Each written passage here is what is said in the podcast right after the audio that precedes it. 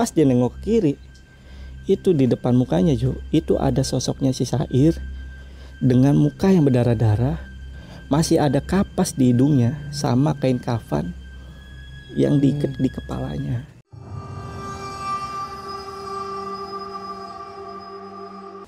Assalamualaikum teman-teman, balik lagi sama gua Jo. Kalian mungkin ngelihat ada yang beda di sini. Familiar sama setnya? Ya, jadi gua sudah berhasil membajak studionya Lentra Malam. Jadi Jamal, Adit udah nggak bakal syuting lagi di sini. Nih, eh, waduh, apa ini? ngopi dulu Jo Waduh, duduk, duduk. Ya. Waduh, makasih banyak. gimana gimana tadi Jo Iya, iya, ini bercanda aja gitu. Iya, jadi tadi sorry ya, gue cuma bercanda. ya, Bang ya. Iya iya iya iya. Slow Jo, slow slow. Iya, jadi kali ini gue kedatangan narasumber yang mungkin kalian itu udah kenal semua. Ya kan Bang Jamal ya Bang ya? ya siap siap. Iya, Apa kabar Bang? Sehat Bang? Sehat sehat sehat. Ya, jadi Bang Jamal mampir ke channel gua untuk menceritakan pengalaman dia yang serem banget.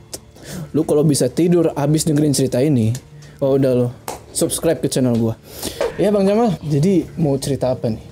Jadi ini pengalaman gua pada tahun 2007 tuh Jo. Pada waktu gua masih SMA nih Jo. Di situ temen gua ngalamin yang namanya kecelakaan karena dia ini ikut balapan liar. Tahun 2007 itu tuh lagi marak-maraknya sih Jo. Mm-mm. Pas gua SMA itu. Ya namanya masih apa ya? Jiwa mudanya Ya, masih, masih inilah Iya bener bener. adrenalin masih tinggi. Betul betul betul. Ya itulah sekitaran itulah. Jadi kalau pengen tahu cerita lengkapnya ya tonton terus ya. Ya, tonton video ini terus. Sebelum kita masuk ke ceritanya, jangan lupa kalian like video ini dan bagi yang belum subscribe, ayo subscribe sekarang ke channel ini supaya kalian gak ketinggalan cerita-cerita horor selanjutnya. Oh iya, jangan lupa juga kalau gua bakal hadir di channelnya Lentra Malam. Stay tune. Udah, nggak usah lama-lama lagi. Udah siap ya? Mode horor aktif. Oke Bang Jamal, gimana tuh bisa diceritain nggak? Oke. Jadi ceritanya ini di tahun 2007 nih. Waktu itu gue masih duduk di bangku SMA nih Jo. Pada waktu itu juga di wilayah gue ini lagi seneng-senengnya balapan liar. Atau kalau misalkan orang-orang umum ya nyebutnya itu trek-trekan. Karena di saat itu wilayah gue ini itu ada jalan raya yang treknya itu lurus. Jadi sering banget dijadiin balapan liar di situ. Gue punya temen nih Jo, namanya Syair. Syair itu sering banget ikutan balapan liar juga di wilayah gue itu. Tunggu nih Bang Jamal, ini syair ini nama samaran atau gimana? Oh ini nama samaran. Hmm. Untungnya lo ingetin nih Jo. Jadi memang ini semua tokoh yang gue bawain ini namanya gue samarin semua. Oke. Gak cuma itu aja, gue pun sempat minta izin nih buat bawain cerita ini ke teman-teman gue yang ngalamin dan juga salah satu keluarga dari almarhum. Oke. Jadi nggak ada masalah nih Bang Jamal ya. Insya Allah nggak ada masalah lah. Ah, Jadi Bang Jamal cerita ini supaya jadi pelajaran aja buat kita semua gitu.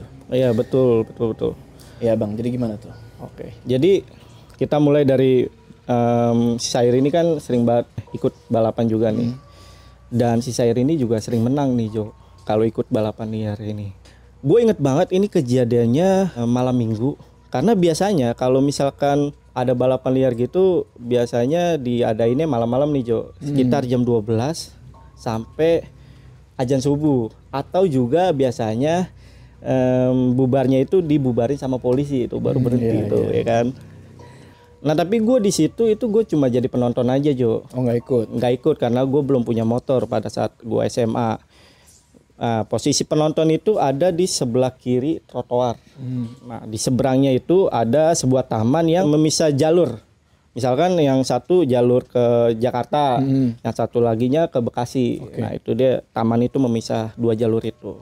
Nah, pada saat balapan dimulai, di ronde pertama ini saya nih udah ikut duluan nih. Oke. Ronde pertama dimulai dan itu nggak terjadi apa-apa Aman tuh. aman itu aman. Nah tapi kan kalau misalkan joki balapan itu nggak cuma satu ronde aja dia ikut. Begitu pula dengan ronde-ronde selanjutnya. Nah si Sair ini mengalami kesialan di saat ronde kedua. begitu ronde kedua dimulai ini kan gue ngeliat nih nonton kan pas Sair mulai di tengah perjalanan itu motornya tiba-tiba oleng Jo, ke kanan nabrak trotoar dan gak cuma nabrak trotoar dia juga nabrak tiang tiang lampu jalan yang ada di situ. Tiang lampu taman tuh yang ada di situ. Dia nabrak diger dan itu posisinya ada di se- seberang mata gua di depan mata gua. Jadi lu ngeliat persis itu. persis banget. Itu jatuhnya di taman itu. Begitu dia jatuh gue sama teman-teman gue panik kan. Terus kita refleks lah buat nolongin si Sair ini. Dan begitu kita lihat kondisinya si Sair ini udah tragis banget cuy kondisinya itu dia dadanya ketusuk stang motornya sendiri itu sampai nembus ke dada belakangnya dia. Dan motornya pun itu udah berantakan lah. Itu spare partnya udah bertebaran di mana-mana. Akhirnya kita rundingin untuk mengangkat jenazahnya si Sair ini. Dan begitu kita angkat itu darah udah banyak banget yuk keluar dari dadanya si Sair ini Karena ketusuk stang itu ya. Iya. nah, buat teman-teman mungkin aneh ya, kok bisa ketusuk stang? Karena si kalau misalkan motor balapan itu biasanya itu nggak nggak dipakein head bodinya, kepala Iya. bodinya. Ah, jadi dicopot, jadi cuma besi aja gitu, besi di stang motornya. Makanya itu dia bisa ketusuk stangnya sendiri. Nah, begitu kita angkat jenazahnya, itu darah udah banyak banget dan gue pun sampai kena kaki gue darahnya si Sair ini. Yaudah kita untuk sementara kita taruh di pinggir taman tuh. Oke. Oke, pinggiran taman sambil nunggu polisi datang dan ambulan buat eh, apa? ngangkat jenazahnya. Iya, ngangkat jenazahnya si Sair ini ke rumah sakit. Nah, pada saat itu gua nggak ikut ke rumah sakit. Gue langsung pulang. Gue pulang, gua masuk rumah, gua ke kamar mandi, gue langsung cuci kaki gua, bersihin kaki gua, ya kan. Begitu udah bersihin gue pun tidur. Gue tidur biasanya memang di ruang tamu sendirian. Dan gue tidur selalu matiin lampu Jo. Jadi cuma ada cahaya dari ruang tengah gue begitu gue tidur gue tidur pada saat itu dalam posisi tengkurap nah begitu tengkurap pas gue tidur itu gue langsung ngalamin namanya rep-repan Jo. Nah gue itu biasanya memang sering rep-repan juga. Bahkan sampai sekarang juga gue sering rep-repan. Nah tapi rep-repan ini beda. Bedanya gini. Begitu gue lagi merem nih gue rep-repan itu dari sudut mata gue Hmm. itu gue ngelihat ada bayangan hitam lagi niban badan gue dan gak cuma sampai di situ aja bayangan ini juga sempet ngomong ke telinga gue dia bilang kayak gini mal tolong tolongin gue darah gue masih ada di sendal lu. Itu gue langsung kaget. Dan akhirnya setelah itu gue bangun lah. Hmm. bisa bangun alhamdulillah. Nah gue di situ sempat bengong dulu tuh. Bengong ya allah itu itu persis banget suaranya si Sair apa emang itu tadi Sair atau memang gue mimpi doang pada saat itu begitu gue lagi bengong tiba-tiba nih di em, pintu gue itu ada yang getok-getok yuk. Tok tok tok. Gua aneh di situ karena udah malam nih posisinya ya kan. Menurut gua nggak mungkin ada tamu di tengah malam seperti ini ya kan. Ya udah karena gua masih takut trauma karena kejadian reprepan tadi gua nggak beraniin diri buat langsung buka itu pintu Jo jadi pada saat gua menuju pintu itu pun masih getok-getok Jo Hmm. gue juga nggak berani lewat ngintip lewat jendela nggak berani gue gue bener-bener masih trauma ya udah gue tempelin kuping gue itu ke pintu gue Hmm. buat mastiin itu ketokannya masih ada atau enggak ya kan begitu gue tempelin di sini gue malah terdengar suara yo Suara apa? suara persis sama yang tadi gue rep-repan suaranya bilang kayak gitu ya mal tolong gue darah gue masih ada di sendal lu tolong bersihin. Pas lu begini. Iya, pas gue lagi apa nempelin kuping di pintu, itu gue langsung kabur itu, langsung ke kamar nyokap bokap gue, tidur bareng mereka, gue selimutan tuh sama mereka, gue tidur, akhirnya gue tidur. Nah besok paginya gue ngecek lah, ngecek kebenaran dari suara yang tadi malam gue denger, gue ngecek sendal gue, itu beneran ada darah Jo. Berarti kan ini apa yang dibilang sama suara yang tadi malam gue denger ini benar di situ bahwa ada darah kemungkinan itu juga darahnya si Sair Jo ya udah gue langsung bersihin setelah gue bersihin ya um, Sebentar bang. Kan pas malam itu lu pulang ke rumah, Oh. lu bersihin itu sendal kan? oh enggak kan gue masuk oh, nggak oh, langsung ya? iya gue kan masuk nyopot sendal gue nggak bersihin sama sendal gue Tapi lu nggak sadar kalau darah lu tuh ada, ada darah waktu di sendal gue nggak nggak sadar gue. Ah, iya. Oke. gue cuman kaki gue doang sadarnya. Hmm. karena kan gue tadi bilang itu darahnya sampai netes ke kaki gue tapi nggak nggak tahu kalau itu masuk ke sendal gue nah lanjut ya. Begitu gue bersihin sendal gue ya udahlah. Alhamdulillahnya besok besokannya gue udah nggak kena teror itu lagi. Tapi kejadian ini itu nggak cuma gue yang ngalamin Jo. Ini teman-teman gua juga ngalamin bahkan masyarakat sekitar Jo ngalamin juga teror si sosok Sair ini. Nah ini kejadiannya terjadi juga sama teman baiknya si Sair ini namanya Abel. Hmm. Nah jadi pada saat si Sair ini meninggal malam minggu besoknya di hari minggu itu siangnya langsung dikubur lah Sair dan malamnya diadain pengajian. Hmm. Di pengajian itu gue ikut juga, Abel juga ikut di situ. Nah di situ Abel cerita tuh di pengajian itu. Dia bilang gini, jadi pada saat hari si Sair ini meninggal, siangnya itu si Sair itu sering banget ceritain masalah lampau dia ketika masih kecil sama Abel. Dan ini ceritanya bener-bener sangat detail. Sampai si Abel ini sebenarnya lupa pada kejadian dia kecil. Jadi kayak dia nginget-nginget lagi kejadian dia waktu kecil lu inget gak sih main-main kita pernah main ini kita pernah main ini tapi ini sangat-sangat detail diceritain sama si Sair ini. Nggak cuma sampai itu aja si Sair ini juga sering Jo nanya waktu. Maksudnya? jadi kayak eh Bel ini jam berapa sih sekarang? Tapi beberapa menit kemudian nanya lagi Bel ini sekarang jam berapa ya? Padahal itu cuman sekitaran lima menitan dia nanya mulu jam. Itu terjadi pada saat sebelum balapan tuh. Nah pas balapan juga si Sair ini itu juga ngomong ke Abel ngomong yang dalam tanda kutip itu apa pesan terakhir Hmm. jadi si Sair ini sempat ngomong gini, Bel, ini gue kalau ada apa-apa hari ini, lu tahu kan apa yang harus lu lakuin sama gua dan keluarga gua. Iya si Abel kan nganggep ya, apaan sih lu ngomong kayak gitu? Iya. Aneh-aneh aja lu, lu kayak mau mati aja gitu kan. Tapi di situ abis itu nggak jawab lagi tuh si Sair sampai kejadian dia kecelakaan dan meninggal. Nah, pulang dari pengajian, si Abel ini pulanglah ke rumah. Nah, pada saat itu juga lagi musim-musimnya Walkman. Iya. Ya, Walkman kan, ya kan. Nah, dia pulang dia langsung nyetel Walkman. Beberapa saat kemudian Walkman-nya tiba-tiba mati, Jo.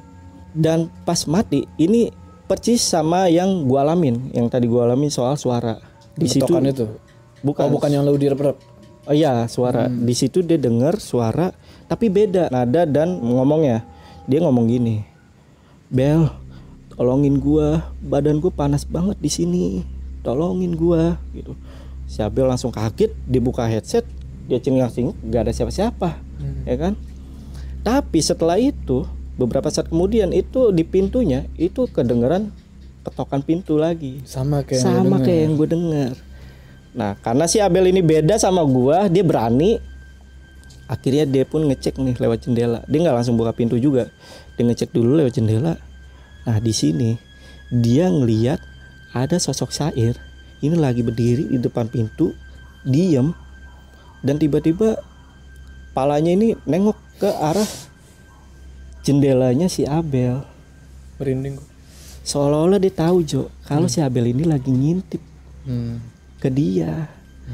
Wah anjir itu pas gue diceritain juga merinding sih gue. Abel kaget juga, dia nutup jendela, ya udah dia langsung lari ke kamarnya. Untuk yang teror berikutnya ini terjadi sama yang namanya Mas Nopri. Nah kebetulan Mas Nopri ini pada saat si Sair ini meninggal dia ada di Surabaya, dia lagi pulang kampung Jo. Berarti dia nggak ada di TKP. Nggak ada di, di TKP dan dia juga nggak ada yang ngasih tahu sama sekali kalau si Sair ini udah meninggal. Karena dia ini kan umurnya udah rada tua ya. Dan baik ibunya atau tetangga yang di sebelahnya itu nggak ada yang ngasih tahu kalau si Sair ini meninggal. Nah, jadi si Mas Nopri ini pulang lah. tiga hari setelah kejadian si Syair ini meninggal. Dia pulang pakai bis, nyampe lah di terminal Pulau Gadung. Dari Pulau Gadung untuk nyampe ke rumahnya ini dia harus naik angkot. Nah angkotnya itu juga nggak berhenti langsung di depan rumahnya, tapi berhenti di gang. Nah begitu dia nyampe di gang, beberapa langkah kemudian dia ngeliat nih ada sosok Sair lagi duduk di atas motor, diem. Ya udah karena si Mas Nopri ini nggak tahu kalau si Sair ini udah meninggal, disapalah dia, ya kan. Eh, bro, ngapain lu di sini? Lu daripada bengong, mendingan anterin gua pulang ke rumah, ya kan. Nah si Sair ini di pada saat itu cuman ngangguk aja, Jo. Ngangguk ada dia. Dibonceng lah Mas Nopri sama si Sair. Oh, saya diboncengin Mas Nopri. Iya. Terus, terus begitu diboncengin di tengah perjalanan, si Mas Nopri ini itu nyium bau anyir dari badannya si Sair. Hmm. Mas Nopri ngomong lagi ke si Sair. Dia bilang gini, kok badan lu bau anyir sih? Nggak cuma sampai di situ aja. Si Sair ini jawab, dia jawab gini, emang ini bau badan gue yang sekarang mas. Emangnya Mas Nopri nggak tahu? Nah di sini Mas Nopri rada-rada tanda tanya lah. Nah begitu sampai di depan rumahnya, si Sair ini ngomong lagi, Mas Nopri jangan lupa mampir ke rumah baru gua ya, ditunggu. Enggak enggak nengok ke Mas Nopri, dia langsung jalan lah, langsung pergi gitu aja. Mas Nopri tambah bingung lagi ya kan. Tapi ya udahlah nggak diambil pusing. Begitu dia masuk ke rumah, di situ udah ada ibunya. Hmm. Ibunya nanya, kamu naik apa ke sini? Emang masih ada angkot malam-malam begini? Mas Nopri pun jawab ya kan. Masih ada kok mah. Lagi pula tadi dianterin sama si Sair. Nah, mah emang si Sair itu pindah rumah ya? Karena si Sair tadi ngomong dia Nopri suruh apa namanya? Main ke rumah yang main baru. ke rumah barunya. Maknya kaget dong. Dijawab lah mamanya. Nopri, emang kamu nggak tahu kalau si Sair itu udah meninggal? Wah, di situ Nopri langsung lemes ya kan. Kaget juga, emaknya juga kaget. Nah, karena udah denger kayak gitu, ya udah sama-sama kaget lah mereka ya kan. Nah, selang berapa menit kemudian akhirnya ibunya coba nenangin si Nopri ini masuk ke kamarnya terus bilang ke Nopri, Nop, mungkin yang dimaksud Sair, kamu disuruh ke makamnya. Karena kan kamu kemarin belum sempat ke makamnya dia. Nah, paginya Mas Nopri itu langsung ke makamnya si Sair buat doain sama ya ngasih-ngasih bunga lah. Ngasih bunga we, tebarin bunga lah ya kan. Nah, ini ada lagi Jo, kejadian terakhir dari teror si Sair sebelum semuanya terungkap. Oke. Kan. Ini kejadiannya terjadi sama teman gua juga namanya Febrian. Jadi ini kejadiannya pas malam Jumat, Jo. Sekitaran maghrib. Nah, pada saat maghrib si Febrian ini datang ke balai tempat tongkrongan kita nih, yang biasanya di, di situ eh, tempat kumpulnya anak-anak. Almarhum Syair juga sering ke tempat itu, ke balai itu. Nah, tapi ini si Febrian ini datang sendirian Jo, bawa kopi sama rokoknya dia. Anak-anak biasanya kalau ke balai itu itu selepas Isya baru datang ke balai. Nah, tapi si Febrian ini berani-beraninya dia datang ke situ tuh maghrib-maghrib. Pada saat itu kan ya kita kan apa yang namanya gadget itu belum kayak sekarang nih Jo, ya kan yang rame. Jadi kalau bengong tuh eh, sama gadget lah. Nah, kalau dulu kan cuma bisa ngopi sama ngerokok doang. Nah, begitu dia mau ngerokok, dia buka rokoknya, dia lupa nih sama koreknya dia nyari-nyari korek nih di kantongnya dan begitu dia ngeliat rokoknya itu udah kebakar Jo. Kebakar dengan sendirinya. Dia pun di dalam hati dia nanya nih "Eh, lah siapa yang bakar rokok gue ini? Begitu dia ngeliat ke kanan nggak ada siapa-siapa. Pas dia nengok ke kiri itu di depan mukanya Jo itu ada sosoknya si Sair dengan muka yang berdarah-darah. Masih ada kapas di hidungnya sama kain kafan yang diikat di kepalanya. Kain mayat ini yang biasa digunain buat mingkemin mayat tuh Jo. Nah di situ abis kayak gitu si Febrian pingsan Jo. Kan, begitu pingsan, malamnya sehabis sisa anak-anak barulah datang ke balai itu. Itu udah nemuin si Febrian ini Pingsan. pingsan. Awalnya anak-anak kan kayak apa ya namanya? Lu ngapain lu tidur di sini? Eh, Nah begitu dia bangun, dia cerita nih kalau tadi dia habis ngeliat sosok si Sair. Awalnya gue ragu tuh sama ceritanya dia, tapi begitu gue ngeliat kayak kopinya udah tumpah, rokoknya udah bertebaran, ya kan? Ya udah mungkin itu bener ini yang dia alamin. Karena kan nggak mungkin kalau orang tidur itu kopinya sampai pecah, rokoknya bertebaran. Biasanya orang tidur kan disiapin dulu lah kalau mau Iya, tidur ya kan. pinggir-pinggirin dulu. Pi- Pinggir-pinggirin dulu barulah dia tidur. Nah ini eh, sampai kayak begitu ya udahlah. Akhirnya di situ juga di balai itu juga pada cerita lah Jo tentang kejadian kejadian teror si Sair ini. Paling sering itu terornya si Sair ini getok-getok rumah gitu kan. Terus no, pintu gitu? ketok pintu ya setiap rumah itu Jo. Setiap rumah. Setiap rumah itu paling sering di warga itu. Di wilayah gue itu. Nah, besok paginya ini cerita-cerita ini itu nyampe ke kupingnya PRT. Hmm. Nah, akhirnya PRT berinisiatif minta bantuan sama Pak Ustadz yang ada di wilayah gue itu. Nah, Pak Ustadz pun bersedia buat bantuin para warga. Itu rame, Jo. Rame datengin si Pak Ustadz juga minta bantuan gitu kan. Karena udah meresahkan banget. Akhirnya para warga dan Pak Ustadz juga bersepakat untuk datang ke rumah keluarganya beliau, keluarga almarhum ya kan. Nah Pak Ustadz ini bilang ke keluarganya si almarhum, dia bilang, Bapak, Ibu, ini si Sair ini kenapa bisa neror warga? Karena si Sair ini ninggalin sesuatu. Nah begitu Pak Ustadz ngomong kayak gitu, si Abel ini motong pembicaranya Pak Ustadz. Dia bilang gini, Mam Pak Ustadz, bener apa yang dikatakan Pak Ustadz?